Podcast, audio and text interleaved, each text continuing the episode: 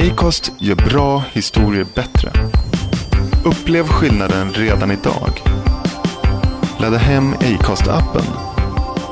Från din App Store. Du lyssnar på en podcast från Expressen. Ansvarig utgivare är Thomas Mattsson. Fler poddar hittar du på expressen.se podcast och på iTunes. Hallå! Du är i Stockholm den här Mm. veckan. Jag är Ja, i jag. Malmö. Så att vi kör det här på telefon. Det är lite Ja. så här äh, tillbakagång till äh, det gamla ljudet. Ja, det är lite som att återgå till ett... eh, typ, gå inte tillbaka till honom. Du vet att han är dålig för dig. Men jag älskar honom. Så, så vi, är, vi är här igen i det här destruktiva förhållandet. Det är bra nu. Det har förändrats. Du kommer aldrig fatta. Det har förändrats jättemycket. Ja, men det låter likadant säger ni. Nej, det, fast det är helt annorlunda. Den här gången kommer det bli annorlunda, vi lovar. Den här Mm. gången. Um, hur är läget?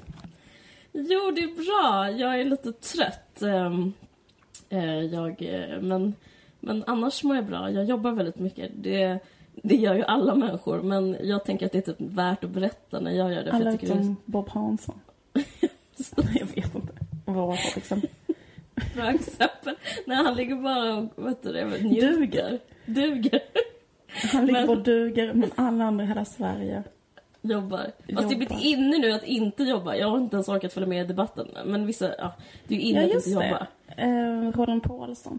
Ja, precis. Men eh, ja, fan, eh, jag hoppas att det blir inne. För att det här eh, funkar inte så som det är nu. Kan jag säga Nej. direkt. Men det är typiskt att man inte eh, ja, hängde på det tåget. För jag jobbar svinmycket nu och eh, jag jobbar som producent. Eh, det är faktiskt väldigt kul. Ja, du jobbar med ett nytt eh, Filip och Fredrik-program. ja, ja. det är jättekul. Och eh, Ernst De Geer eh, är eh, min eh, högra hand. Det är faktiskt underbart. Jag älskar honom. Ernst De Geer är alltså barn då till eh, vår eh, stora idol, känd från podden, Marianne Lindberg Geer. Eller Ja. är det hans eh, plastmamma? Eller är Nej, det, hans... det, det är hel, hel mamma. Eh, det, och... Eh, Är Carl Johan De Geer hans hela pappa? Ja, det är det. Det här är typ varför han är anställd. Eh, För att jag i varenda liten eh, liksom, ledig stund så frågar jag honom allt om hans liv.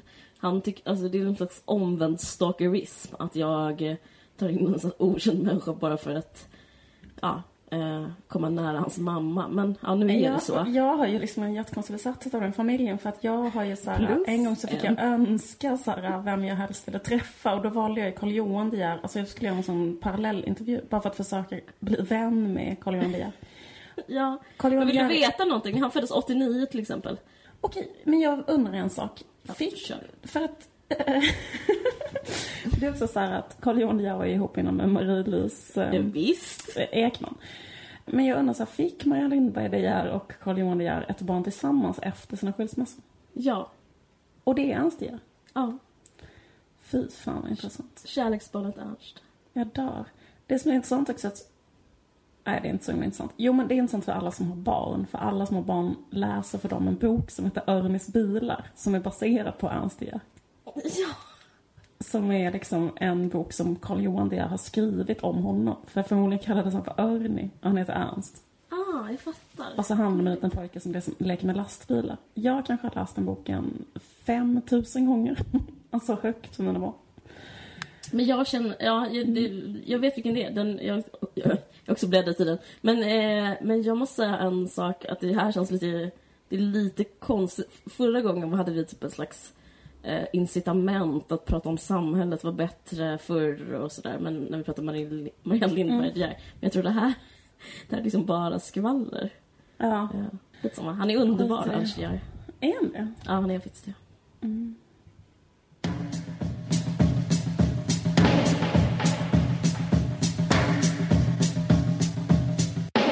Eh, hur är det med dig? Jo, men det är bra. Ehm, det är lite bättre nu, men jag vet inte. Det känns som att jag, eh, jag vet inte, men jag alltid, eller hela tiden har en sån här eh, grej att jag är eh, utmattad alltså alldeles för överbelastad av massa konstiga grejer som jag måste göra. Alltså mitt liv är så här lite för jobbigt typ hela tiden. Och så är det som att jag typ så försöker hela tiden att balansera upp det och sen så typ går det nästan och sen helt plötsligt så, så går det inte. Och då måste jag typ så här ställa in massa grejer och liksom typ krascha. Jag, jag lyssnade på Hanna och Amandas podd. Eh, Mm. Fredagspodden heter det. Mm. Hette ju den. Och då har de en, eh, hade de ett avsnitt som hette just att krascha. Som jag såg att du också tipsade om på ditt Instagram. Mm. Jag blev så berörd så att jag... eh, Ja, så jag, Jag jag, jag, jag, tipsade om den. Ja men det var Fast den inte svinbra. var så hipstermässig. Men den var så jävla insiktsfull. Jag älskar att lyssna på människor som har gått i terapi så mycket som Amanda och Hanna har. De, de bara liksom vet, bara känner sig själva. Mm. Det är så fett. Jättefett. Men jag blev så här, för det avsnittet handlade om att vara så här, göra för mycket och vara för överbelastad. Och Mm. sen att man typ tror att man har koll på det och sen har man ändå inte det. Så då typ bara kraschar man ihop och är så här helt överbelastad och pajar ur. Och då är man så här, först då är man så här, nu ska jag omförhandla det här. Nu ska jag försöka hitta på ett sätt att göra mitt liv lite mer drägligt så att inte mitt liv hela tiden är som att man har en jävla, jag vet inte vad, alltså typ någon som jagar en typ. Alltså att man inte kan gå i promenadtakt på ett gött sätt genom sitt liv utan att man är så jävligt, någon som bara flåsar in i nacken istället på ens livspromenad. Och livet är så himla kort. Det känns så jävla meningslöst att, att ha det så. Att man inte riktigt kan njuta för att man är hela tiden liksom jagad av shit liksom. Dels kanske det är ett tecken i tiden. Alltså jag tänker på så här Maya-kalendern som jag sa, typ att tiden går snabbare och snabbare och snabbare. Att hela samhället blir liksom bara mer och mer och mer så här sinnessjukt hetsigt i en sån typ inåtgående spiral. Säger Liksom. Maja-kalendern det? Mm, de menar typ att tiden går snabbare och snabbare och snabbare tills det Men bara var det liksom... också de som sa att världen skulle gå under 2012? Jag menar inte att, jag menar inte att så här, eh, kriterierna källor. Okej, det var fel. Det här var tiden går snabbare. Nej, men, så här, men det Den här menar... gången har de rätt. Alltså det här var, det här var ändå bättre. Nej men det menar liksom att, att liksom det finns någonting med, tid, med tidsandan som är att det liksom känns som att det är eh, mycket hetsigare än vad det var för så här, ja, det är liksom Ja, ja. En sak, Som plogen. sen plogen liksom. Men en annan sak, för jag vet inte, jag har liksom tre, jag sa tre tjejkompisar som jag umgås med ganska mycket här i Malmö som är liksom kanske mina så här, Vilka eh, då? Klick. Jag vill bara säga liksom att det känns så konstigt. eh, Därför att alla de har varit så här, vad heter det, sjukskrivna för utmattning. Liksom. Ja. Alltså 100 procent då liksom av mina så här, just så här, ja, det är Tjejer- sjukt. ja men liksom att de allt, alltså, de menar liksom att nästan alla jag känner ehm, är så här hela tiden på bristningsgränsen. Och det Ja. som man nämner är att de är kvinnor och att de ofta har kanske små barn och att även om de inte har små barn, för vissa har det och vissa har inte det, men jag tror också det är en faktor att man är småbarnsförälder och kvinna och jobbar Ja. ändå hela tiden så här att, att man jobbar så himla, himla, himla, himla mycket. De jobbar i helt vanliga jobb kanske inom kommunen och sånt där. Och där är väl liksom en sak som är att hela samhället går mot att liksom allt ska effektiviseras och dras ner och hålla på med så äckliga lean production grejer som gör att deras arbetssituationer blir liksom mer och mer och mer och mer jobbiga liksom. Ja. Och belastade och det får man ju höra rapporter om hela tiden från alla, liksom alla, alla håll och kanter. Men jag Ja. jobbar ju då som någon form av så här kulturarbetare. Mm. Och då liksom, även där, och det var det jag kände igen med liksom lite grann i den här och Amanda-grejen, att så här, man gör kanske grejer som är så här väldigt roliga hela tiden. Mm. Som den här podden, den är ju väldigt rolig men likväl Inte just nu kanske. Det är så kul att höra dig gnälla. Det tycker jag i alla fall. Nej, jag ska, är nej, det men, kul att höra mig gnälla? nej men det är kul att göra, det är mysigt att snacka. Men det är faktiskt ett jobb. Jag Det sa tror- Hanna och Amanda i sin podd också. Jag, blev lite, jag tyckte det var lite bold att de bara... ehm, för de har så jävla många lyssnare. För jag, jag tänker så här, blir inte lyssnare ledsen när de säger så? Eh, den här... eh, men de sa ju det, det här är jättekul men det är ett jobb. Och så är det ju liksom. Det, Jaha, du tänkte att folk var så här som man blir ledsen när man förstår att ens terapeut tar betalt. ja, precis. Jag trodde vi bara, trodde vi hade något Jag tror vi hade något. Så känns det för poddlyssnare. Men så behöver fan inte våra poddlyssnare känna. För vi får så otroligt lite betalt och vi är inte sponsrade. Så det är fan nästan att vi ger det gratis till dem. Ja, det är faktiskt sant. Det är fan sant. Jag ska säga en sak, bara en en parentes, apropå det här med arbete. Som min moster sa till mig igår. Så sa hon så här, ja det, är så, det, är så, det är så fruktansvärt. Vi pratade om att hon känner många 30-åringar var, som har väldigt svårt att eh, etablera sig i vuxenlivet. Eh, alltså typ folk i eh, släkt och vänner och sådär. Att man, och hon upplever liksom att det var mycket lättare när hon var ung. Liksom. Att det var en helt, en föränd, att det blivit en förändring. Ja, och att man liksom käm, man måste kämpa och om man, det finns liksom inget utrymme för snedsteg. Man får typ aldrig så här kanske ha några år på dekis för då, då finns det ing, går det inte att komma tillbaka liksom. Får man inte längre ta LSD i ett decennium så som det för din Nej men på, riktigt. Men det får jag- man Vi pratade faktiskt just om knark. Att liksom, då, skulle man, då kan man så här... Eh, liksom man kan så här, knarka lite eller man kan vara lite lös eller lite så här, eh, Och sen kan man ändå börja på läkarlinjen eller man kan... Alltså man... eh, Nu är det så himla... eh, Kniven mot strupen stämning. Men hon sa en sak som skulle... Förlåt, jag får bara säga, jag bara göra ett instick att för hela vår förra, förra podd var som sätt vurm för 70-talets välfärdssamhälle. Och det är kanske också bara är en jättekonstig fantasi från vår sida. Och jag vill också säga att min utopi inte heller är så här sosse-Sverige på 70-talet. Eller så här, och det var också ett jättekonstigt samhälle. Men fortsätt. Med det Ja, sagt, fortsätt. Det här, det är inte jag som, är, det är inte jag som säger det, det finns en, en 40-talist. Eh, men hon sa till mig som var så roligt, som jag blev mer perplex av, alltså den, liksom, den eh, förstående stämningen bröts lite. Det var att hon så här gjorde, eh, hade ett tal för kulturarbetarna. Hon bara Ja, och sen så datoriseras allting. Det har ju rätt i. eh, Och allting går snabbare. Och det är så många robotar som e- ersätter allting. Och typ nu, man behöver inte mänsklig arbetskraft längre och man behöver inte människor och det finns inga arbeten.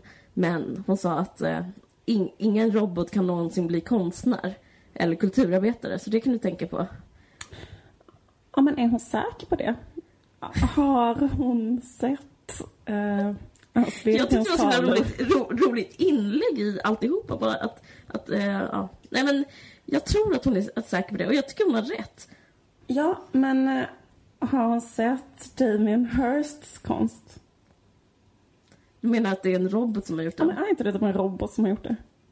Jag tror inte det. Ja, men typ. Du fattar vad jag menar. Varför, vad är det för robot som kan klistra diamanter på en dödskalle? Ja, vilken robot kan inte göra det? är inte liksom en robots första idé? En dum robot. Men en medioker robot. En riktigt medioker robot liksom. Men som är inprogrammerad på så här peng, Helt okej konst. Någon, någon har skrivit skrivit så här deg plus helt okej konst. Det är inte ens helt okej. Den där dödskallen borde fan, och liksom man borde få, få ett straff för att han gjort det. Men skit i det. Jag ska bara säga helt kort för att alla vet redan detta så det är en skitkass spaning det här liksom. Ja, alla visste det om robotar också. Fortsätt. alla vet redan att Damon Hirsts konst är en jävla robot som har gjort. Men Förlåt, jag är på tramsigt humör. Fortsätt, jag vill på riktigt höra din, äh, dina, om din du, höra, utfrågning. du vill på riktigt höra mig som stappla fram såna här eh, jättesagda klyschor om så här, kvinnorollens situation på arbetsmarknaden.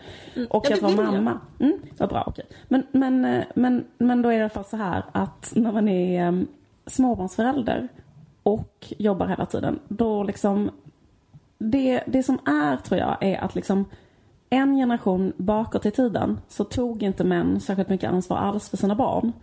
Inte alls lika mycket som kvinnorna. Det gör att alla killar nu är eh, jätte, jättemycket bättre än vad deras pappor var. Alltså i genomsnitt så är de mycket, mycket bättre. Gud, De har ja. tagit ut jättemycket med föräldraledighet, de är mycket med med sina barn så här. För deras pappa var så här, tog eh, ett blås på sin pipa och gick ut och köpte tidningen och var liksom hemma en kvart om dagen. Mm. Men vi är liksom sämre än vad våra mammor är. Kan, eventuellt. Mm. För att våra mammor kanske var hemma mer. Och ännu mer så här är det ytterligare en generation tillbaka i tiden och så. De pikar ju män mot ett mer och mer känsla av att man är en enormt bra pappa. Medan man själv liksom jämför sig med kvinnor som har stått och gjort så här och typ en hemmagjord äppelpaj och sådana saker liksom. Eller jag gör det i alla fall. Men det, det, det jag menar liksom att så här, eller jag tror liksom att det här, så här kvinnliga föräldraskapet är, det liksom finns ju en, en, eller jag har i alla fall, en, eller ett moderskapet också inkorporerar att man har väldigt, väldigt, eller jag har så väldigt, väldigt, väldigt höga krav på mig själv, alltså extremt höga krav på mig själv hela tiden att vara en väldigt, väldigt, väldigt närvarande och bra mamma till mina barn. Det är liksom sådär, Vad betyder det konkret att vara det? det är just en del av det där flåsandet i nacken att det liksom inte riktigt går att göra nog. Eller Ja. det går inte att vara tillräckligt liksom bra. Men alltså jag bara menar att jag har så himla mycket sådär att jag alltid vill till exempel, det tror jag jättemånga föräldrar känner igen sig Man vill alltid hämta dem svintidigt från dagis. Om de är minst lilla sjuka så vill man att de ska vara hemma. Om, om man själv är hemma och är lite sjuk då tänker man att de också kan vara hemma. Alltså du vet så här, allting är så hela tiden. Och Att det finns liksom ett minus man ska hela tiden ja, fylla i liksom. Precis. Men, och, och det här är inte särskilt intressant vittnesbörd. Det är bara något jävla tycker det är skit. intressant. Okej, det var gulligt av dig. Men i alla fall, gulligt av dig att säga det. Men det är inte e- egentligen det som är min spaning, att bara berätta det om mig själv. Men liksom, utan min spaning är mer att så här, som kulturarbetare så skulle jag ju kunna jobba och innan jag fick barn så jobbade jag också. Alltså, allt, alltså jag, jag, jag jobbade på riktigt alltid sju dagar i veckan. Alltså för att jag hade ett jobb, min, min, mitt radiojobb som var fem dagar, en vanlig heltid. Och sen så jobbade jag alltid tre eller två dagar i min ateljé, alltid. Och det har jag aldrig tyckt var jobbigt eller så. Eh, för jag älskar att göra det jag gör och det är inte direkt eh, jobbigt eller slitsamt, det är liksom inget jag blir utbränd av. Men liksom kombinationen att också ha barn. Men det jag skulle komma till var liksom att det jag, det jag märker jättemycket, för att jag träffar jättemycket manliga kulturarbetare. Inte för att skryta, men jag manliga kulturarbetare. Eh, och då märker jag med dem att de har barn. Och att de inte alls är i samma grad påverkade av sina föräldraskap. Hur är det dem då? Ja, men Alltså, då kanske det kan mm. vara så här. För jag är ju ehm, separerad, så jag har på riktigt fem... Jag har liksom, det går inte att säga någonting annat än att jag har 50 procent av, av liksom... Att Nej, jag, det är jag, matte. Du har det. jag, jag, har bara, jag har 50 procent. Men då träffar jag massa män som liksom är sammanlevande med sin fru. Och då märker jag att de männen ehm, Sweet life. Ja, de har ett så jävla sweet life. Då pratar jag med två extremt väl renommerade manliga författare, till exempel på en sån här författarträff. Då säger de så här till mig, de har jättelång karriär bakom sig och flera, flera, flera barn så här. Då säger de så här till mig, de bara, vi, nej jag har aldrig ställt in en, ett enda författarbesök under hela min karriär. Jag har aldrig gjort det. Eh, för det skulle jag aldrig göra, för det tycker jag är taskigt mot eh, arrangören. Eh, och då säger jag så här, men om man har små barn som man vabbar med varannan gång, då inträffar ju det hela tiden. Jag menar, har du provat att vara, ha en vinter med två dagisbarn? Alltså du är... Vad kan- bra det am I right? Ja, men alltså, men liksom, liksom, så, här, så det har aldrig hänt att du inte har kunnat, alltså det, för mig så är det liksom, det går inte att få, alltså det, är- då, det är likhetstecken med att då har din fru alltså vabbat alltid. Och, och, så, och så kan det ju vara. Men jag kan också känna igen så här, man, eller så här, folk förväntar sig att man ska göra så här, om man är kulturarbetare, olika här projektarbeten, kanske jobba med något med TV som tar flera veckor och man ska vara på en location i flera veckor och hålla på med någonting, eller så. Mm. Och då bara, så säger jag så här nu, till exempel om jag diskuterar sådana förslag med olika människor så här, ja men jag måste vara så här, tre dagar hemma och sen tre dagar och sen tre dagar hemma och sen tre dagar. Och då är det så här, ja det går ju att ordna så här ofta. Eh, Eller så här, fast det är ett jävla meck och det är ett jävla krångel och så. Men jag har ju aldrig så här typ, då är det ju män där som jag vet också har den situationen. Men de skulle ju aldrig, då är det liksom ingen fara för dem att vara borta från sin familj med sina små barn veckovis. Alltså, det kanske var fel av mig för jag kanske borde ha typ hookat upp med en sån jävligt gullig hemmafru. Som skulle ha varit hemma då och bara tagit hand om mina barn hela tiden. Så att jag kunde vara en sån konstnärsgubbe. Men nu istället så blir jag utbränd. Oj, Ja. nu måste jag till och med avbryta för nu vaknar mitt barn. Fan vad sjukt. Vänta lite. Ja, vänta, jag kommer snart. Absolut, absolut.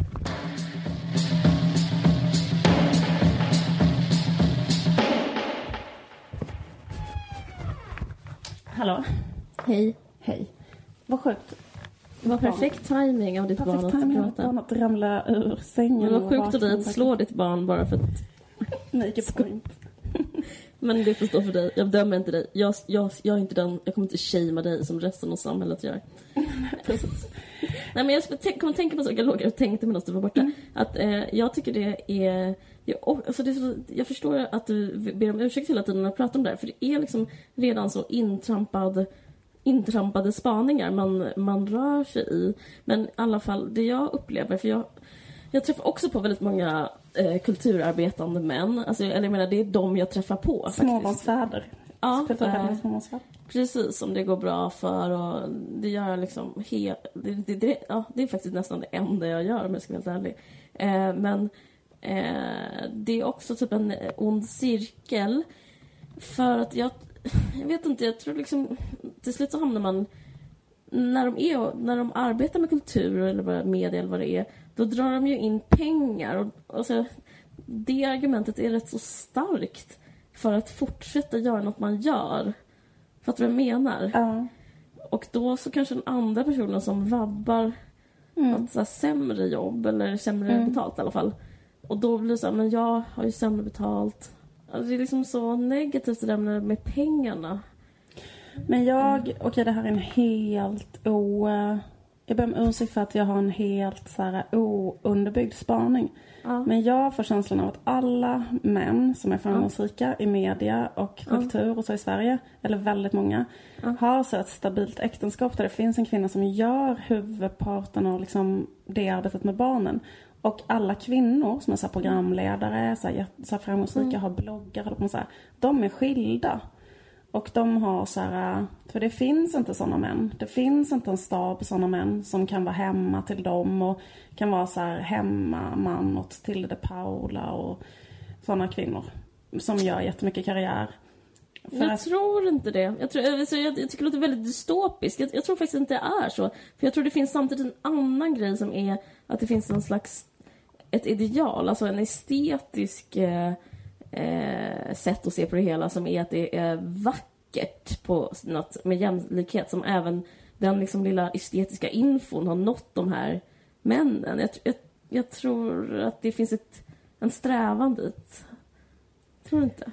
men, är, men erkänn att det är vanligare. Men det grejen är, okej nu ska jag faktiskt säga en positiv sak. Mm. Jag, jag är- jobbar som eh, producent och då har jag anställt en redaktör som är extremt... Eh, han är känd och eh, jag ska inte säga vem det är. Ingen kommer veta vem det är för hans namn kommer inte stå med. Och han sa så här, ja, jag skulle gärna ta det här jobbet men min fru har blivit befordrad. Så jag har lovat att ta allt eh, föräldraansvar. Så jag kommer både hämta, lämna och lägga. Så om jag klarar av att göra det och ändå kunna jobba för er, då kan jag jättegärna ta det. Fan vad Jag bara menar att det finns. Ja. Och det skulle jag säga är en slags übermodernt, alltså jag upplever det som nästan att ta på sig silverkläder liksom. Eh, eller typ såhär, nej men jag, vi har bara solcellenergi. Typ så upplever jag det uttalandet, att det är så här. Ja. vänta vad var det han sa? Alltså det är liksom nästan från en annan värld det han berättar. Men, eh, men typ det finns så några, finns några sådana solceller i hus och det finns en sån kille här på Söder och typ, alltså det är typ, eh, men, men jag, alltså jag tänker att det är en slags den yttersta, den yttersta spetsen på, på en trend ändå som, som man, jag, jag, jag vill inte vara så dystopisk. Nej. Bra. Men jag skulle bara, jag, absolut, egentligen så var bara detta en jättelång ingång till en annan spaning jag hade om just utmattning och kvinnor. Ja, absolut. Eh, som är så här att, eh, jo men för grejen, anledningen till att jag började tänka på detta igen, det var så här för att jag hörde att Sissela Nordling Blanco, eh, som är eh, talesperson för Feministiskt initiativ, eh, har eh, sjukskrivit sig för utmattning. Jag vet inte exakt vilken term det var som användes, men om hon var utmattningsdepression eller utbränd eller jag vet inte vad som är den korrekta termen nu så jag ber om ursäkt för jag säger fel. Men i alla fall. Och då drog jag mig till minnes liksom en, en eh, gammal liksom, grej som hände precis i Feministiskt initiativs eh, början. Som var så här, för att det var liksom en presskonferens typ 2005 eller någonting när Gudrun Schyman liksom annonserade ut att hon skulle då så här, eh, starta ett nytt parti och bla bla bla. Nu vet inte jag, för det är så jävla sjukt också om man tänker på de kvinnorna som var med i den så här original-line-appen. Mm. Det var liksom kvinnor som sen allihopa varit utsatta för olika typer av drev. Det var ju bland annat Tina Rosenberg. Alltså de Mm. Ja, blev just ju ivägjagade ur offentligheten med högafflar. Ja, just det. Som vi kanske minns. Den första generationen som försökte ha ett feministiskt parti i Sverige blev, var ju typ som att ha ett sånt kurdiskt befrielseparti i Turkiet. Armeniska folkmordet. Ja. Nej, det var inte så. Jag, förlåt att jag gjorde en överdriven... Men det var lite svårt att vara då en feministiskt aktiv politiker. För de fick ju ha livvakter för att de var så hotade. Till exempel Tina Rosenberg. Mm. Men en annan kvinna som var med precis i början, men som är lite bortglömd nu.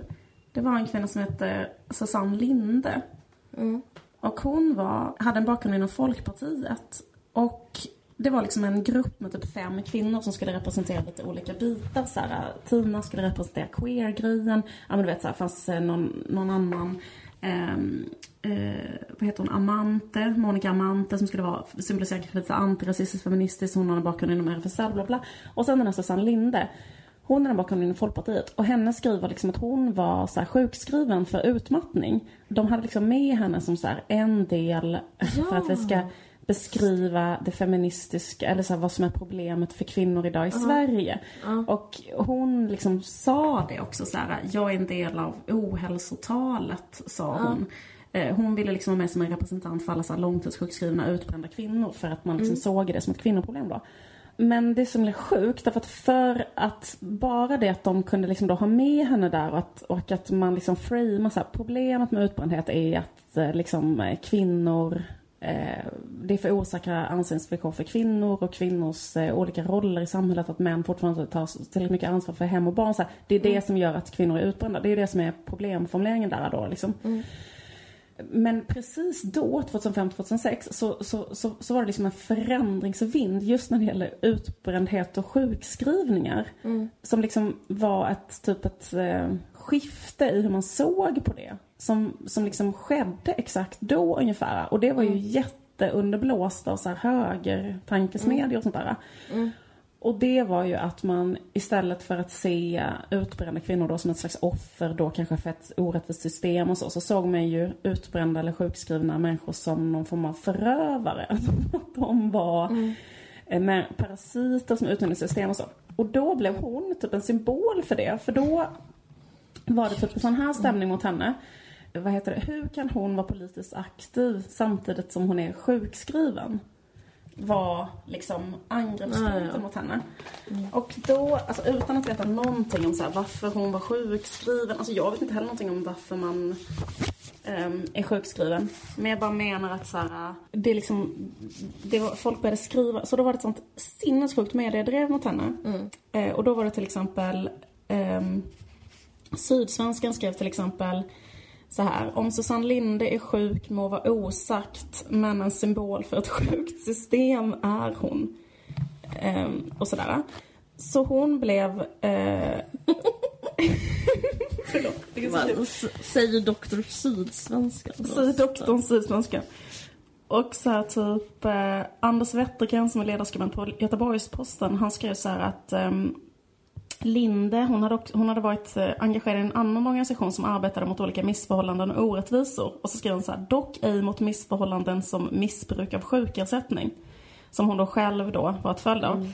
Sen var det, till följd av det här mediedrevet så inleddes av Försäkringskassan i Arboga en utredning om ett misstänkt försäkringsbedrägeri. Trots att man då hade liksom godkänt från början att hon skulle vara politiskt engagerad. Och sen la man ner den här utredningen. Men på grund av detta så minskade de hennes sjukpenning. Vilket gjorde, så att, gjorde att hon tvingades gå tillbaka till sitt arbete. Och efter fyra veckor så kollapsade hon. Och då fick hon ingen arbetsträning. Och sen sades hon upp från sin anställning. Och sen ett år efter den här kollapsen så togs hennes fall upp av länsrätten dit hon hade överklagat. Och då liksom eh, upphävde de Försäkringskassans beslut och gav henne rätt att få den här ursprungliga sjukpenningen. Men hon kom ju aldrig tillbaka till politik, alltså hon kom ju tillbaka till Feministiskt initiativ i alla fall. Alltså hon blev utpsykad helt enkelt på ett jättetidigt skede på grund av att hon så här misstänkliggjordes för att hon skulle vara en människa som skulle fuska med sjukpenning. Ja, ja. Men det som är intressant är liksom inte just hennes fall för att så här, jag, jag kan inte säga någonting om hur de skötte det eller var dåligt skött eller så. Men det är så här jävligt intressant. Det finns en statsvetare som har skrivit en, en bok om det här som heter Björn Jonsson. Som är så här, bara att det bara handlar om så här, att de liksom tog ju upp henne för att de trodde att hon skulle ha en politisk tillgång. För att hon skulle kunna då vara en röst för typ utbrända kvinnor. Mm. Men det som hände var liksom att det, så gick det inte längre att använda utbrändhet politiskt. Alltså, Nej. ja. Slut på spaningen. Ja, men det är intressant. Men jag uppskattar även på ett metaplan att du eh, går tillbaka till rullarna så att säga. Alltså det känns som länge sedan. Men, eh, men en sak som är intressant, jag vet inte vem fan det är som har pratat om det. Jo men det var någon i din ateljé jag pratade med. Om det här med att eh, synen på offer har förändrats. Det är också mm. en politisk fråga. Att, eh, att man bara och det har även så smugits in lite in i feminismen. Att vara så här, jag är inget jävla offer, mm. typ. Eh, och det är väldigt svårt, för ens utrymme man står på blir minimalt om man inte får eh, vara offer när man är offer. Då liksom har man inte någon... Eh, eh då, kan man, då kan man inte heller bli omhändertagen och då kan man inte heller bli hjälpt. Då, då kan man, alltså det blir väldigt... Att allting blir upp till en själv och att man, det enda man kan göra... Man har ett alternativ och det är liksom fortsätta kämpa hela tiden. Och eh, det känns som att den där klaschen 2000 2005 eller 2006 när det var eh, det var liksom, det var, det var den diskussionen också om att så här, ska man verkligen se kvinnor som offer? Eh, de kan, men jag menar, jag tycker man ska se kvinnor som offer ibland liksom. Det... Ja men det blir så himla konstigt för att om man inte säger att någon är ett offer då säger man typ inte heller att någon är en förövare. Eller så här, det är väl klart att man är offer för olika ja. omständigheter. Det betyder inte att man det är, är så här, att det är, men, Ja exakt. Och det är inte en identitet. Det är bara en, ett tillfälligt Alltså offer för den omständigheten eller den omständigheten liksom. Offer ja. för sjukdom och vad som helst. Det men, men det, de har gjort ett bra jobb med att göra det till ett totalt, eh, en konnotation med totalt negativ klang. Liksom, att det finns det liksom går nästan inte att använda det som ord längre, offer. Det, Nej. det är liksom samma som ordet kränkt, att det liksom nästan används bara i humorsammanhang nu. Det, mm. ja. ja. fuck det, skit i det. Ja, men jag, jag eh, byter ämne. Jag, byter ämne? Ja. Eh, det hakar i lite i... Förlåt, jag bara säga en sak. Ja, jag är absolut. inte heller så utbränd. För liksom, jag vill inte säga anspråk heller så faktiskt. Nu låter det som att jag är rädd för att men det är inte det, men jag vill bara, jag vill bara understryka det att höra. Jag är, inte, jag är rätt så pigg. Men det är as, men, ja. Våra lyssnare kommer ringa in och bara ursäkta men hur kan hon göra en podd om hon är utbränd? jag vill ha tillbaks, nej just det, jag betalar inte för att lyssna på den här podden. nej, jag vill ta tillbaks min tid. Lös det. Lös det. Där har vi en och en halv timme jag aldrig kommer få tillbaka. Ja, så kanske ni känner ändå, den som lyssnar på den här podden, ber om ursäkt för det. Men snälla byt ämne. Vad ska du säga? Ska. Nej, men jag skulle säga att eh, jag har inte läst en bok, för fan, det går inte att köpa den jävla boken. Jag har liksom försökt på Amazon och e-bok och allt sånt där. Men det finns en ny bok som jag otroligt gärna vill läsa, som heter mm. Spinster. Ungmö alltså, på svenska. Ja, Ungmö, ja. eller Nucka skulle jag nog säga. Ja. Eh, men gammal där... ungmö tänker jag man också kan säga. Men alltså det har också det lite som nucka. Ja. Jag, tror, jag, tror att, um, jag, jag, tror att det finns en negativ klang till ordet spilster. Det är det jag menar att jag tycker att, att en ungmö också har en negativ klang. Men det kanske det inte har så här Det är bara för att du är sexist men... jag tycker att bara ordet kvinna har en negativ klang. Singel, tjej. Nej. Berätta. Spinster. Mm. Spinster. Och hon heter... Uh... Kate Bollick heter hon som har gjort mm. som har skrivit den här. Mm. Och den boken handlar lite om vad vi pratade om innan, för det handlar om eh, olika personer som aldrig gifte sig. Eh, mest författ författare, typ Edna St. Millay och e- Edith Wharton och liksom olika Kvinnor är det som inte gifte sig. Ja. ja, kvinnor som inte gifte sig, men som eh, har något gemensamt, vilket är att de är, trots att de levde för liksom 100 år sedan, 150 år sedan, så publicerar de sig. Vissa har skrivit typ, kanske New York Times, andra har skrivit dikter, andra har skrivit romaner. Och eh, eh, den handlar också om eh, hur man som kvinna idag eh, förhåller sig eller vilka alternativ man har för att hålla sig till giftermål och till eh, arbete och eh, mest kreativt arbete och mest skrivande. Och jag vet inte om det är bara jag som tycker det här är intressant för att jag... Nej, jag tycker det är är- svinintressant också. Ja, men, det bara- men det är bara för att du och jag är skrivande människor Mm. och kvinnor och eh, i relation och liksom samtidigt Mm. har en slags... Vi lever i det här samhället och det... Och det, det, det var väldigt intressant för att lyssna på den här podden, Slates podd som heter Double, Double X, där de pratar om villkoren för att skapa som kvinna och samtidigt vara gift. För förr i tiden var det rakt av antingen eller. Det var liksom Mm. det är liksom, den här boken handlar liksom om att ta det valet. Jag tycker det är så viktigt att eh, skapa så att man väljer bort giftermål. För det var inte så att det var fel på dem, att det var fula, utan det var så extremt heta, supersmarta eh, Ja, men också att de inte hittade en kille. Var det inte också? Nej, det var alltså inte det. Eh, skitsamma om det var hett. och sådär. Men det var att eh, det var liksom aktiva val. Jag tycker det är rätt så intressant.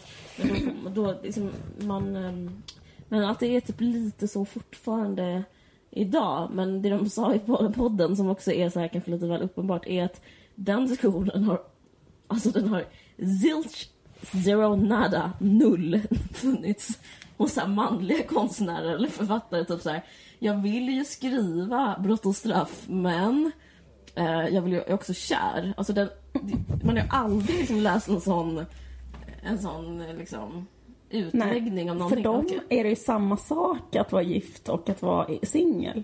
i Ja. princip. ja. Så det är så himla lite skillnad. Det är bara så här, ska jag få typ ett varmt mål mat när jag kommer hem eller inte? Så, så måste det ha varit för dem. Ja, Det var bara det som var skillnaden. Men de fick väl det alltid. Jag vet, liksom, Ja. Men det var Eh. ju så här, ska en hushåll ska laga mat åt mig eller en fru?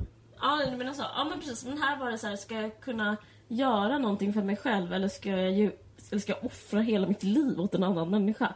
Ja. Det är ju inte riktigt så nu, men jag tycker ändå att det finns... Jag har det bra, jag, ska, jag kan inte klaga så mycket, men jag bara menar att det finns liksom tendenser och jag upplever de perioder jag har varit singel, Ja. jag upplever det som skapande perioder. Ja. Och, och det är liksom en hård sanning, men det är någonting med att mysa som inte går ihop med att skapa. Mm. Eh, Jag har liksom inget svar på det här, jag bara liksom är... Har frågetecken, jag bara undrar. Ja, men det var liksom rätt intressant för att det som hon liksom, för hon utgick väl rätt så mycket ifrån att hon är typ en modern människa som lever idag och bla bla bla. Men att hon har liksom då valt så här, typ att inte, alltså nu kanske hon levde i en relation men alltså typ att hon kanske då valde, Hon gjorde slut med en kille när hon var 29 eller något sånt där. ja precis. Och liksom, Valde att inte fortsätta det liksom tåget Ja, här, som precis. skulle leda till allt det där som alla gör. exakt att man då liksom istället för att så här, det behöver inte vara att man gifter sig men kanske att man så här flyttar ihop och skaffar barn. Istället så väljer man att fortsätta leva hela sitt liv ensam i en lägenhet och det är ändå fortfarande radikalt. Alltså, alltså, eller det, Ja. det, det, det är ett stort beslut. För, men, och det hon snackar om rätt mycket det var väl så relationen till ensamhet och läsande. Alltså att man känner att man inte vill offra eller att, att man känner att man längtar så mycket eller är i så stort behov av den typen av alltså av ensamhet så att man struntar i hela det där. Ja, jag tyckte det var intressant för att jag, jag förstod det som att hon jämförde det som två olika kärlekar nästan. Att, så här, eh, att man kan uppleva eufori och nästan ja, som ett kärleksförhållande till ensamhet, och förkovrande och skapande. Att där fanns en lycka. Ja. Vilket jag känner igen mig jättemycket. Att där Ja. finns en slags, en slags evighetslycka. Helt underbart. Men att, och sen så finns det på nästan lika stor lycka som handlar om att vara nära en annan människa och att ja, det var där hon, hon, hon hade liksom gjort vissa val som hade gjort att hon inte då gift sig, inte fått barn och sådär på, Ja. på ett, på ett eh, positivt sätt för henne. Ja. Eh, men jag, Men jag kommer ihåg för när jag var liten, då hade jag liksom en återkommande så här dagdröm. För jag är liksom uppvuxen med, i en kärnfamilj med jättemånga syskon. Och väldigt mycket av min barndom gick ut på att liksom försöka vara själv i mitt rum och bara läsa och få vara i fred liksom. Mm. Och just den där grejen att, den där grejen att vara ensam och tänka på böcker och få skriva och få skapa. Jag har aldrig drömt om så här, jag vet inte om det berodde på något annat, men jag har aldrig drömt om så här, bara vilken kille jag skulle träffa eller hur det skulle vara mitt bröllop eller, eller sådär. Mm. Jag har bara, jag hade en återkommande dagdröm som var så här. Att jag skulle vilja bo helt själv i ett litet hus i skogen med massa papper och pennor och att jag bara skulle kunna få vara där och läsa och skriva. Det var liksom så här hela tiden min dagdröm. Alltså det, mm. det påminner mig lite om den drömmen. Alltså det, liksom, mm. Fast nu så vill jag inte det. Nu skulle jag få panna om jag skulle sitta i en sån stuga liksom. Men... ja, jag fattar det. Ja, men jag, jag vet inte heller om jag säger... Alltså jag vill inte, vill inte säga att det här är rätt, men jag tycker det är intressant för att det är, det är intressant att det är och kanske ett kvinnligt problem. Det är liksom en...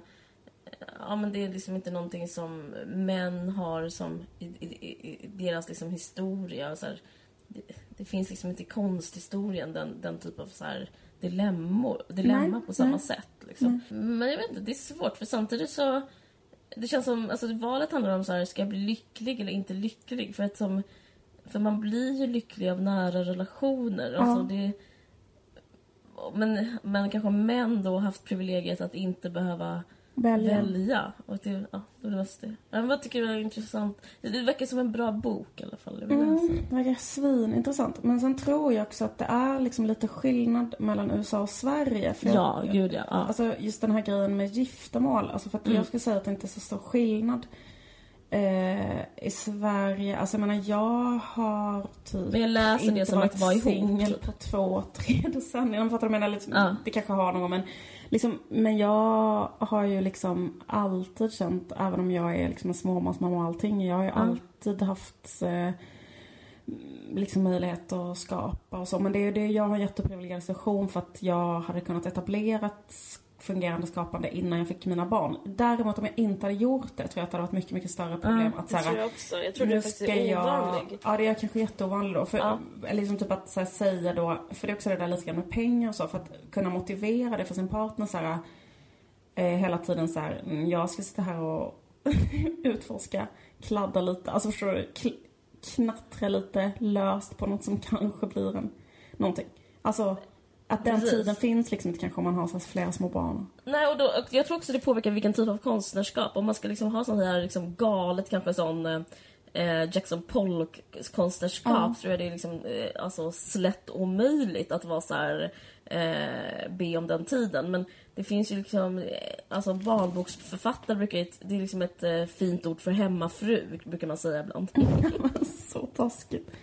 så taskigt. Men ändå, jag fattar vad, vad, den, vad det kommer ifrån. Att det är så här, ja men liksom... Eh, eh alltså det är inte någon som så här provar droger, typ rullar in sig själv i bajs och sen så provar det på en canvas och sen ställer ut den och sen kör ihjäl sig. Det är ju inte att vara barnboksförfattare. Men att vara, alltså jag menar att konstnärskapet också blir så här eh, könskodat eh, om man ja. nu ska få... Man, man, man, det känns lite så här eh, vad heter det, när man liksom får smu, smulorna liksom. Det, det är att vara barnboksförfattare. Hej! Vi på Acast vill gärna tipsa dig om vår helt nya app. I den kan du lyssna på alla dina favoritpodcasts. Acast gör bra historier bättre. Ladda hem appen nu från din App Store.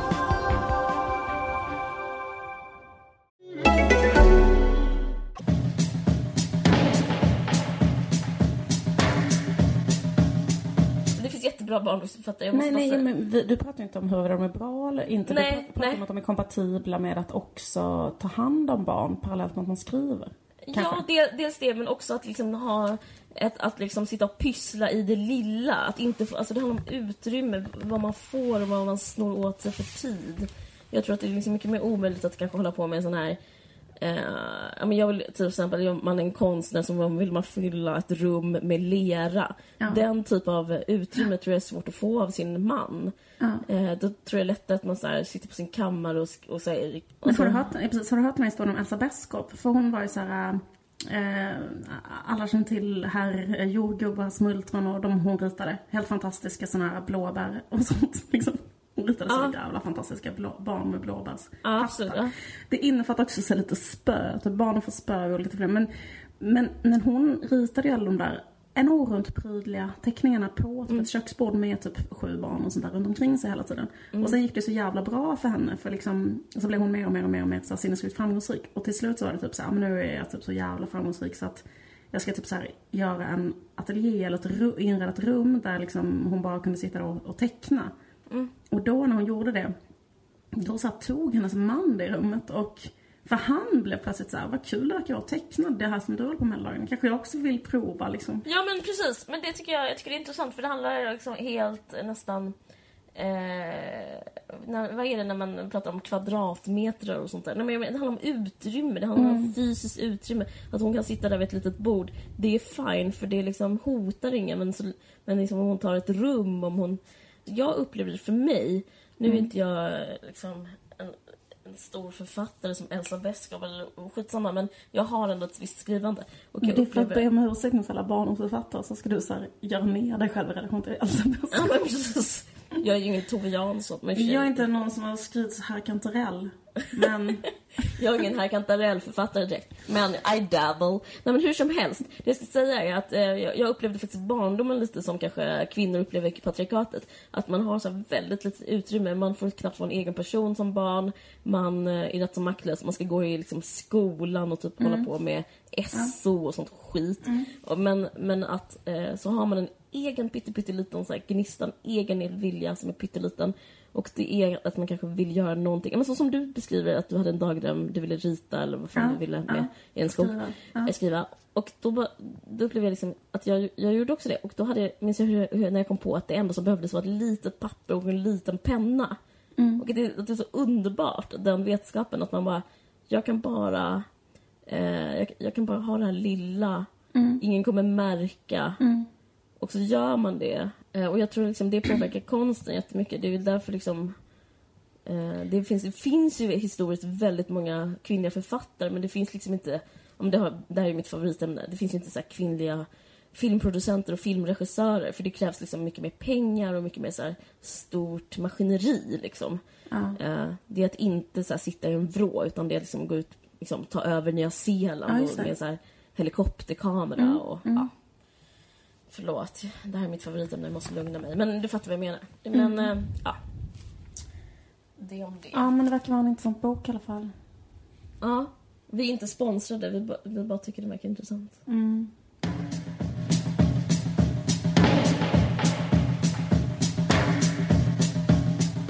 Ska vi byta ämne? Ja,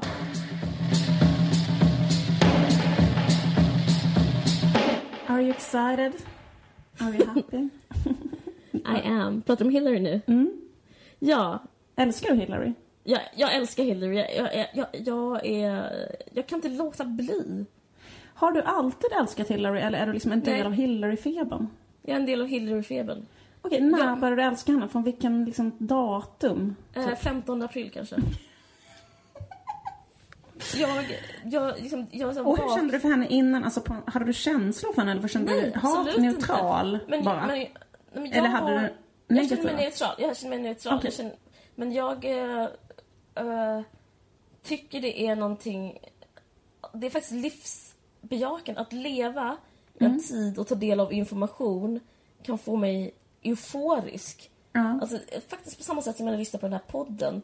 För jag minns när jag var liten och gick till Simrishamns bibliotek. Då lånade jag tidningar som var från USA, som var The Observer, nej det var från England, men The Atlantic som den här, de skri, den här personen, Kate Bollick som skrev boken, hon har ju skrivit en artikel som heter All the single ladies, eh, som finns i The Atlantic. Jag minns när jag var liten, när jag var typ, ja, 14 så gick jag dit och läste The Atlantic. På samma sätt så bara, kan jag liksom älska information. Jag liksom, okej, det finns på en podcast och jag kan läsa allt om Hillary. Jag kan höra liksom NPR eh, intervjuer av Hillary. Jag kan liksom, alltså jag tycker det är någonting, jag känner, jag upplevde faktiskt samma sak 11 september. Då, då, då såg jag på TVn, det är något fruktansvärt men att man bara liksom får jag tror det handlar om att man känner sig hel med världen på något sätt. Jag känner Ja. att jag tillhör världen. Och jag känner att det finns ett momentum som jag är med i.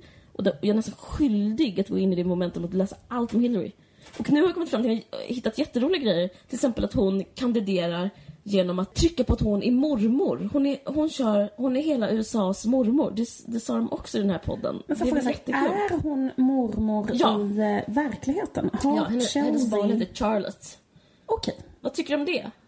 Nej, men, men, men jag tyckte det var intressant just det här med hennes ålder. Därför att hon är liksom... Är det så att hon är typ 69 år gammal? Hon är 69 ja. För att... Eh, jag tycker så här- Reagan var ju 70 när han vann. Ja.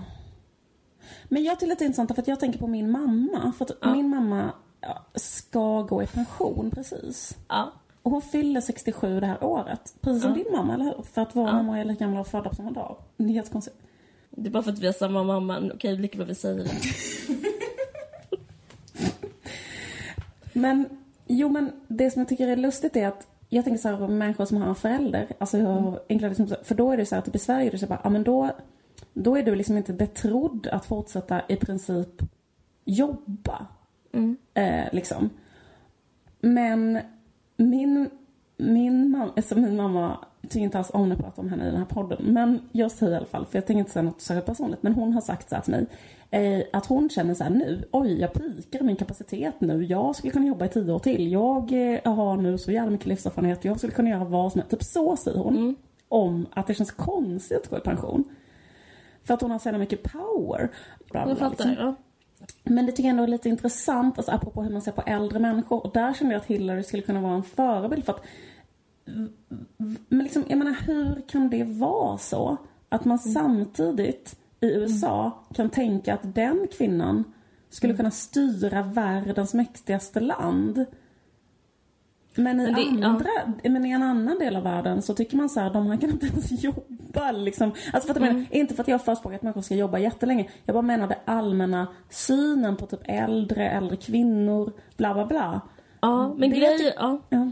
Jag, ska, jag, jag, jag fattar vad du menar, men grejen är att det är inte så i USA heller. Utan det som, det som jag tycker är intressant och det jag skulle komma till det är att Hillary utsatts för otrolig sexism i form Ja. av ageism.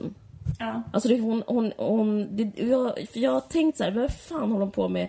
Tänkt och tänkt. Jag har googlat och läst skitmycket. Så eh, varför håller hon på med den här mormor-grejen? Och då handlar det jättemycket eh, överallt om att eh, när hon eh, sa, annonsade att hon skulle bli då president, då liksom fick hon någon slags Alltså det stör- största drevet någonsin på Twitter mot sig där liksom alla Donald skrev- Trump skrev ju såhär, eh, om hon inte ens har, lyckades tillfredsställa sin man, hur ska hon då kunna tillfredsställa America?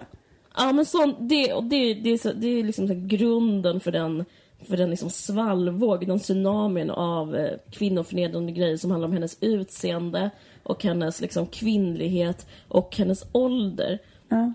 Så att jag tänker att den här grejen, för jag tänker vad fan håller på med den här mormor-grejen för? Och jag tror att det är för att eh, hela samhället hatar kvinnor, hela USA hatar kvinnor, hela världen hatar kvinnor. Men man, det är någonting man hatar så är det väl typ potenta kvinnor, alltså Ja. typ en sexuell kvinna. Alltså, jag tror att hon försöker avsexualisera sig Ja. själv och liksom säga så här, men jag kommer i alla fall inte vara en sån jävla äcklig hora som ni vill som ni nätroll och alla andra egentligen bara vill spöa och straffknulla eller döda typ. Vilket folk gör hela tiden. Utan jag ställer mig utanför manligt kvinnligt eh, dikotomin och gör mig själv könlös, det vill säga mormor. Eh, och tar hand om er istället. Ja, det är väldigt intressant för att hon famlar ju, eh, famlar ju efter, vad ska man säga, nedärvda symboler, Ja, eh, ja. grejer. Så här, vad kan vara en äldre kvinna? Alltså vad kan, en äldre, vad, vad kan vi hitta för någonting som Vad kan får vara... plats med liksom? Eh, Ja. Precis, typ så här. Och då liksom, eh, alltså, vad, finns det någonting som är en äldre kvinna som inte är någonting alla hatar? Och då Precis. är ju mormor någonting där folk är så här, men jag har ju mormor, alltså hon är ju gullig liksom. Ja. Eh, Det för, är även så här, alltså det även män kan gilla mormor och det har inte någonting med bröst och eh, vagina att göra Nej. utan det har ju någonting med bullar och pannkakor att göra helt plötsligt. Just det, precis. Och fast det som mormor inte har att göra med, det är ju alltså makt. För jag menar, Hillary, liksom det är ju inte en eh, mild politiker. Nej, det är ingen gullig inte, tant. Alltså, jag menar, Nej. nej, det är ju ingen gullig tant utan hon är ju verkligen en, en, eh, en stenhård jävla, alltså menar man mm. bara pratar om, om hennes liksom, vad hon har gjort eh, eh, politiskt så är det liksom eh, eller vem fan som helst som sitter på den posten i det ja, landet visst. gör ju bara typ helt sinnessjuka saker mot honom. Alltså det är ju liksom som det är. Ja, men jag hörde på New York Times podd eh, om eh, politik den, där de har gjort ett ihopklipp när hon hela tiden när hon pratar, för hon får frågan vad ska du göra nu då när du kandiderar? Vad är din, mm. vad vill du göra? Och då säger hon, upprepar hon alltid samma sak. Jag ska inte göra någonting. Uh, you gonna tell me what to do. It's about you. I want you to, ah, what. Ja, ja, ja. Så att hon, jag tycker det är så sorgligt. Alltså, eller det kanske inte är sorgligt för om hon kanske vinner valet så är det asbra. Men att hon kör hela den här grejen med att vem, lill, hon i stort sett säger hon så här, lilla jag som bara är en mormor vet inte. Så hon är, hennes andra approach är att säga så här, eh, jag, jag är en demokrat. Och mm. eh, jag vill lyssna på vad ni säger, vad folket ska säga. Mm. Jag är bara, jag är bara liksom spegel åt folket. Så Men det tycker jag bara bort... låter som en liksom contemporary PR-strategi. För det är ju ja, liksom gud, exakt ja. vad Reinfeldt sa hela tiden. Ja. Han avskaffade ju, han pratade ju aldrig om ideologi. Han pratade Nej. bara om att så här, lyssna in. Så mm. det är liksom... Det säger hon också an, Ja men precis, det antar jag är liksom det som den senaste såna människan, gurun säger inom typ såna. Men ja men, men det är intressant det där med grandma för det är liksom så här, Man tänker på, vad fan var det jag läste om så här, häxor i populärkulturen? Alltså att häxor alltid är gamla. Typ att det inte finns, eh, att det är någonting med, med liksom häxor som är att de är så här att de alltid är så gamla och fula. Mm. I och för sig, nu när jag hör detta så hör jag att så är det inte alls. För det finns visst Nej. snygga häxor. Ja, visst Sabrina tonårshäxan. Okej, skit i det. Skitdålig spaning. Nej, men det är liksom, men det är typ en gammal kvinna är ju typ en häxa. Det är ja. en sak som kan vara en gammal kvinna. Och alltså prata om så här jungianska, allmänmänskliga, kollektiva, våra, alla våra gamla symboler som hon nu håller på att försöka hitta något positivt. Ja i en gammal saga, vad kan en gammal tant vara? Och då har hon kommit på att hon kan vara Rödluvans mormor typ. Istället för att vara häxan eller styvmor som är alla andra som inte är typ... Det är som så här, hur ska hon typ så kompensera för brottet att hon inte är ung och vacker och ändå vill stå i rampljuset typ? Mm. Precis. Um, men en annan sak, men hon har ju också en seriös grej med det här med mormor. Hon har inte, hon har inte bara såna eh, laddade konnotationer hit och dit utan hon har också att, för att hon, hennes dotter Eh, då, vad heter det, barnbarn Charlotte. Mm. Hon, har ju väldigt, hon är väldigt privilegierad obviously. Och hennes grej, uh, Hillary har en grej för barn och hon, mm. liksom, hon driver nu att alla barn ska ha det som hennes barnbarn. Så det liksom, mm. finns en sån typ av förankring också. Men hon har fått kritik för det, att hon typ är, bara håller på med såna här populistiska mormorsgrejer. Typ så här, barnen är det viktigaste vi har. Eh, tårta och saft till alla. Bullar. Istället för lön. Bara bygga om hela Vita huset till en stor bulle typ. Allt så. så. Jag förstår henne på ett sätt. För att jag tänker att när man tänker på Hillary så går associationerna direkt till Bill Clinton. Mm. Eh, och, typ, och Bill Clinton tänker man typ att han blev eh, så här, ja, fastnade med kuken i sin älskarinnans mun. Och, så, ja. vet, alltså, och då liksom tänker man på att Hillary liksom är en dålig sexuell kvinna och ja. Bill är liksom en... Liksom, du tänker sådana tankar. Ja, vi andra tänker på Bills spel. okay, jag, tänker, jag tänker att typ, han är en rolig horbock och hon är en tråkig nucka typ. Ja men eh. precis, det är ju liksom den uh, stämningen. Ja, eller, liksom, det... eller, eller så här, all, mm. typ så här, Lewinsky är en hora. Eh, Hillary, Hillary är en kan inte tillfredsställa sin man nucka. kanske. Ja, exakt. Och Bill är i värsta fall Han är för kul. En, ja, fast eller typ han är också en hora typ, men alltså. Fast men... ändå en kille som är lugn. Alltså det är ändå inte så att han är, han fortsätter jobba. Det kan man inte säga om Lewinsky. Nej, det var också, det var väldigt intressant. För både du och jag har lyssnat på, på den här så här liksom eh, hänvisat till den svenska versionen av så här Double X, Slates Double X. Ja, vi lyssnar för mycket på dem. Vi lyssnar för mycket på den, så nu börjar så här berättar på ett lite sämre sätt vad de har sagt. Oj. Vi kan, vi kan tipsa om den, att man kan lyssna på den för att fylla i alla luckor. Precis. Nej men det som var, det var jävligt, jävligt spännande för att eh, de pratade också om, ja men det är ju också en sån grej med Monica Lewinsky nu, att hon har ju varit, vi kan säga för jätteunga lyssnare, är det någon som inte vet det här att när hon var 22 och Bill Clinton, Monica Lewinsky var 22 och var, det här tycker jag också är väldigt intressant, en obetald praktikant i Vita huset. Som Ernst de Geer för mig. Precis. Inga andra jämförelser. Mm. Då, då är han obetald han var Nej. störst. Det är han inte. Ehm, han, nej, Han får bullar. Nej okej, förlåt. Men, han, och, eh, Monica Lewinsky var 22 år och en obetald praktikant i Vita huset och då var Bill 49. Och Ja. började ha en slags sexuell relation med henne. ja. Och det avslöjades sen. Och anledningen till att det blev så stor grej var att han hade förnekat det inför kongressen eller sånt där. Annars hade det väl mest varit skvaller. Men nu blev det också en jätte, jätte, jätte, jättestor liksom juridisk grej av alltihopa. Mm, just det. Där han skulle liksom eh, eventuellt kunna avsättas som president för att han hade ljugit under ed och sådana där grejer. Vilket gjorde att om man kan tänka sig någonting värre än att vara så här 22 år haft ett lite pajigt sexförhållande med en sån chefsgubbe. Sen ska det då bli först offentliggjort, sen ska man vara i en rättegång. Där de ska spela upp, för hon hade ju anförtrott sig åt en polare där på Linda Tripp. Ja, Och Linda polare, Tripp precis. hade så här, polare inom citationstecken. Linda Tripp hade då spelat in alla deras samtal. Tänk dig sen att det är en sådana tjejsamtal. Tänk att jag hade ringt dig och pratat, talat ut om att ha sånt pajigt älskarinneförhållande. Mm. Sen skulle allt det spelas upp. så jävla hemskt. Alltså när man är 22. Ja, fruktansvärt. Och sen efter det så är hon känd över hela Globen. Och så, och så har de berättat så exakt hur de har haft sex, på vilka sätt, bla bla bla bla.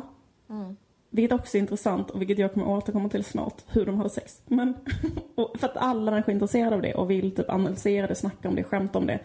Och sen nu är hon 40 och hon har typ hållit käften lite grann ända sedan allt detta.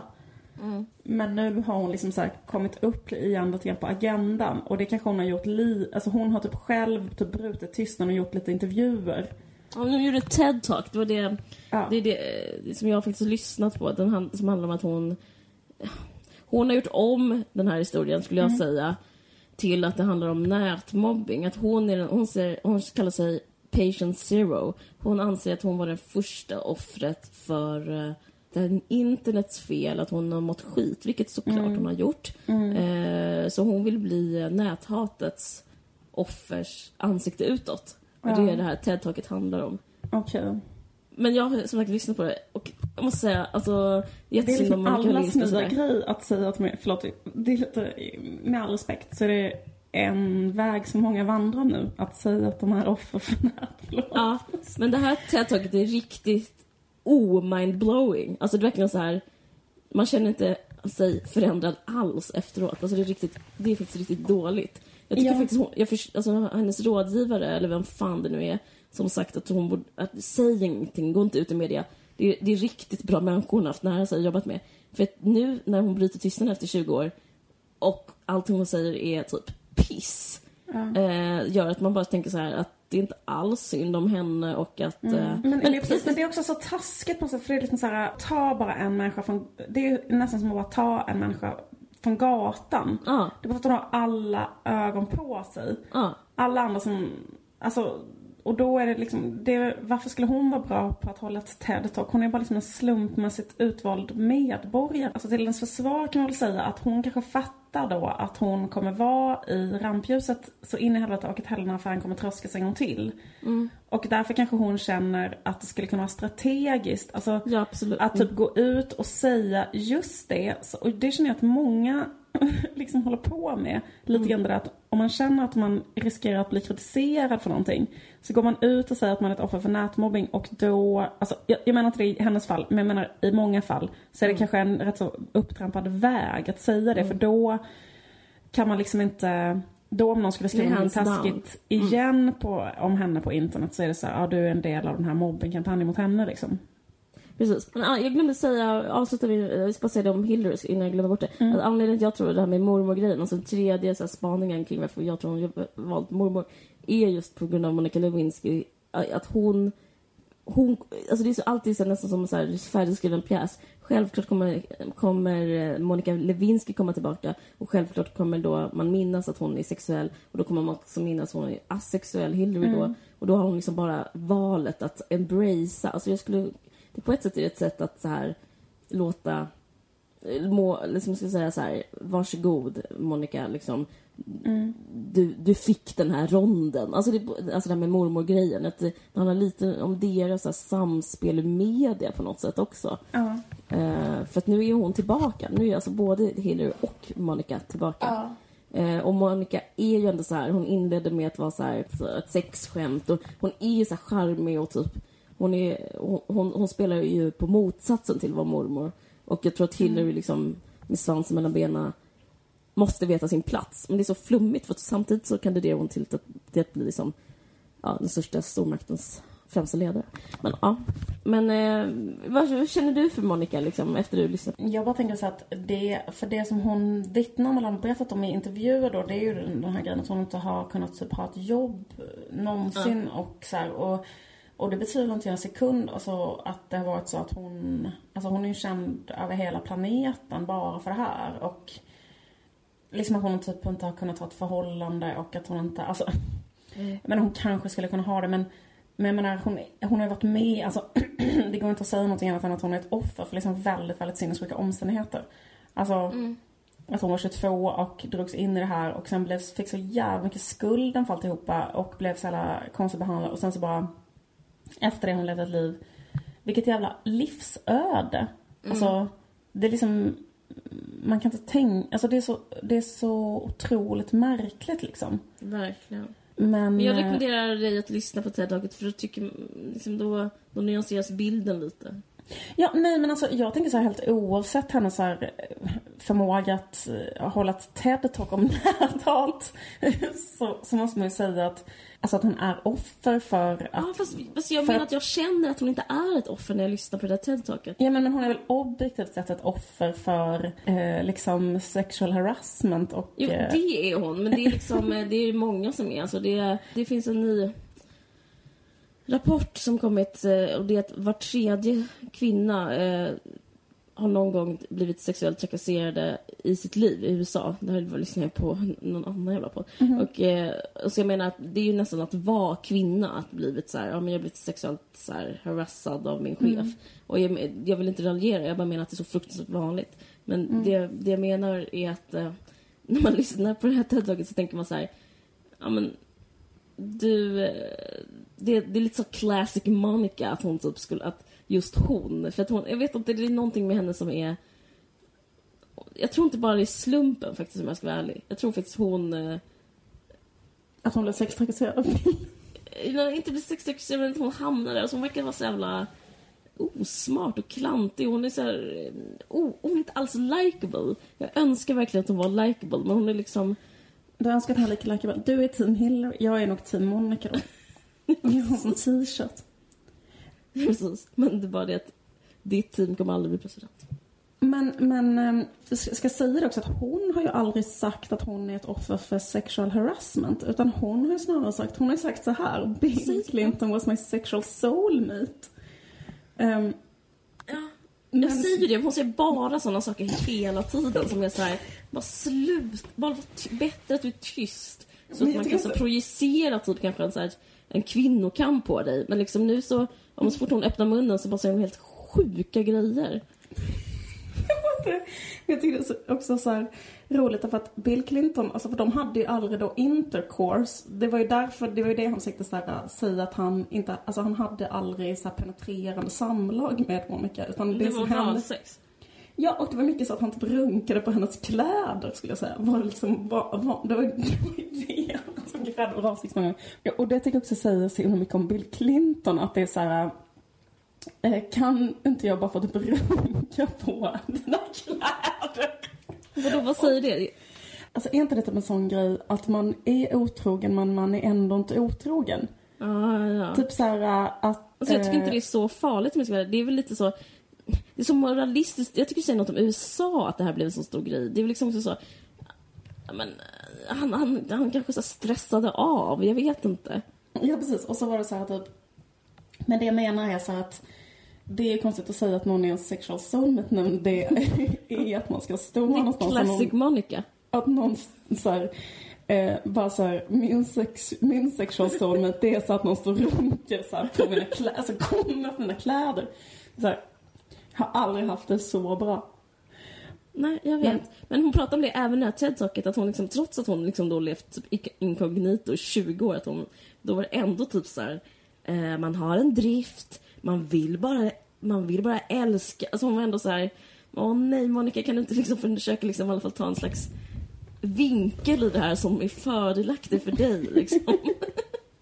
Det är det jag menar, att om hon är tyst då kan jag hålla- prata om systerskap, men så länge hon pratar så hon förstör. Ja men grejen är så också att så här, skitsamma hon kan väl vara liksom nästan vilken typ av så här dåre som helst men det spelar ingen roll för att så här, om man är 49 år varför tar man in en 22-årig praktikant och runkar Ja. på hennes kläder? Förlåt att jag så säger de här orden tiden. Men det är liksom, det är någonting med det som är så jävla stört. Absolut! Men, det- även, det men tycker även om jag också så här, absolut. eller stört och stört, det är vad det är. Men det, var, det, liksom, det Ja, finns en viss, det, det, det finns en maktobalans i där. Gud, ja, liksom. ja. ja, men Och- det tänker jag goes without saying. Men absolut, det kan vi kanske ha sagt. Vad tycker du om, vad tror du om liksom hela så här Hillarys agerande? Eh, liksom, hur tror du det har liksom spelat henne versus inte spelat henne i händerna? Alltså det att hon stannade med Bill menar jag. Eh, jag tror faktiskt det är bara positivt för henne. Jag tror att allt det här eh, framställer henne som totalt liksom rationell, resonlig, lojal, alltså asexuell. Alltså hon är, hon är, hon blir liksom längre och längre från en sån vildhjärna som bara vill knulla. Alltså det, är liksom, det, det är bara positivt om vi pratar om hennes politiska karriär. Men jag, jag måste säga, jag är nästan helt övertygad att jag känner Hillary, jag vet exakt hur Hillary är. Och jag tror så här att hon är Eh, hon, när hon tänk, jag tror inte hon överhuvudtaget är kär i Bill. Mm. Men jag tror hon är såhär... Eh, jag skiter i honom. Jag skiter i allting. Jag vill bara Eh. bli president. Ja. Hon, liksom, hon kunde inte brytt sig mindre. Nej, nej. Och, det tror jag, och jag tror liksom det var samma sak redan då. Att hon bara... Okej, typ. Så du har runkat på hennes... Okej, Kläder. typ. Kan vi höras lite senare om jag måste... Alltså, jag, jag, jag har inte någon enstaka sett en, gång sett en tillstymmelse till ångest eller så här... eh, desperation eller du vet, något sånt där. Mm. Alltså på något sätt så här, för det är något Håll- med Bill, att han känns som en sån gränslös bekräftelsehora. Liksom att han också är, Eller typ som en bebis, något sånt där dumt. eh, att liksom just den här grejen att han är så fruktansvärt karismatisk. Att han liksom så här är Mm. som att han bara typ eh, spelar sax och umgås med vem fan som är, Alltså typ att han liksom connectar med Monica där och då. Tycker jag säger någonting om hans liksom så här Mm. Totala så här, att han bara är så här, en sån människa som är så här, eh, eh, inte älskar mig men typ så här, stå här så att jag kan få runka på dina kläder. Är han, så vill han, det tänker han om, om, om hela jordens befolkning typ. Och så, Ja. och, och på det sättet känns han Den så, känslan har man inte alls av Hillary. Hillary känner Nej. man så här, att hon håller på med sitt jävla game och hon håller på med någonting, liksom jävla projekt och liksom eh, hon håller inte på med att vara typ en narcissistisk bekräftelsehora utan hon liksom eh, ja, intresserad kanske av miljön under tiden eller något sånt där. Eh, Men tror du verkligen att de typ så här, för att eh, en sak som är så, känns så viktig i eh, amerikansk politik, det är liksom att ha ett lyckligt äktenskap. Alltså de, det är ju liksom typ A och O att de ska stå där och... Jag vet liksom när jag lyssnar på så här, deras så här installationstal och sånt, eller alla deras tal, så står de ju bara och skriker. Alltså presidentfruarna har ju också egna tal och då står ju de bara och gallskriker så här I love eh, Barack, I love him more every day, every day. Du vet så står Michelle och typ bara tjatar och tjatar och tjatar och tjatar och tjatar om det. För liksom, för det har väl varit något som har talat mot henne, att det verkar som att de har typ ett inte så fett äktenskap eller? Precis, precis. Men jag tror att de inte hade det liksom redan då på 90-talet med Bill. Men jag tror att då var det för sent att skilja sig. Och jag tror liksom om man vill lyckas inom politiken så går det Man kan ju inte vara skild. Nej. Det kan man inte USA. Men eh, apropå Barack och Michelle. de tror jag har ett lyx, lyxigt äk- äktenskap. Men jag tror, varför kan inte Bill och Hillary ha ett lyckligt äktenskap Jag tror ändå? liksom inte hon, eh, jag tror hon eh, inte är där mentalt. Jag tror hon redan skilt sig. Hon kanske skilde sig 94 från honom. Men tror inte du att de på ett sätt har typ så här kanske en intellektuell gemenskap? Alltså typ att hon är så jävla smart och han är så jävla liksom ändå, jag menar han har ändå varit så här USAs president, att de brinner så in i helvete för Demokraterna. Tänk dig deras så här samtal, alltså förstår du, båda två opererar på en nivå där de liksom matchar varandra intellektuellt. Att det ändå är någonting där. Att de kanske ändå har det typ svinbra och sen är det så här: okej han har typ legat med lite olika, men skit i det typ. Eh, jag tror inte det, men eh, jag, tror inte, eh, jag tror inte hon bryr sig. Jag, tror- alltså, jag tror hon är lycklig ändå. Alltså det, är, det, är en, det, är en, det är ett lyckligt slut på den historien, fast det handlar inte om att de typ, har ett bra, en bra relation. Något annat att fråga om.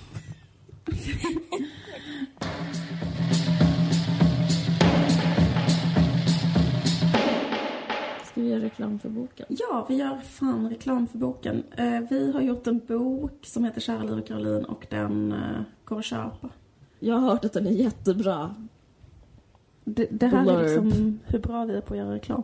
Om ni gillar den här podden så tror jag faktiskt att boken är bättre än den här podden därför att den är mycket, där, är, där har vi ändå tänkt efter lite mer. Ja, gud ja. Där har vi ansträngt oss och rättat och strykit. Verkligen. Ja, det, den kan ni köpa om ni vill. Eh, Okej, tack så jättemycket för att ni lyssnar. Eh, ha det så bra, jag heter Liv Strömqvist och eh, du heter... ehm, Caroline Ringsol Ferrada-Norli. Du har lyssnat på en podcast från Expressen. Ansvarig utgivare är Thomas Mattsson. Fler poddar hittar du på expressen.se podcast och på iTunes. Att lyssna på podcasts har precis blivit både bättre och enklare. Ta del av en bättre podcastupplevelse med bilder, länkar och klipp. Ladda hem Acast-appen från din App Store.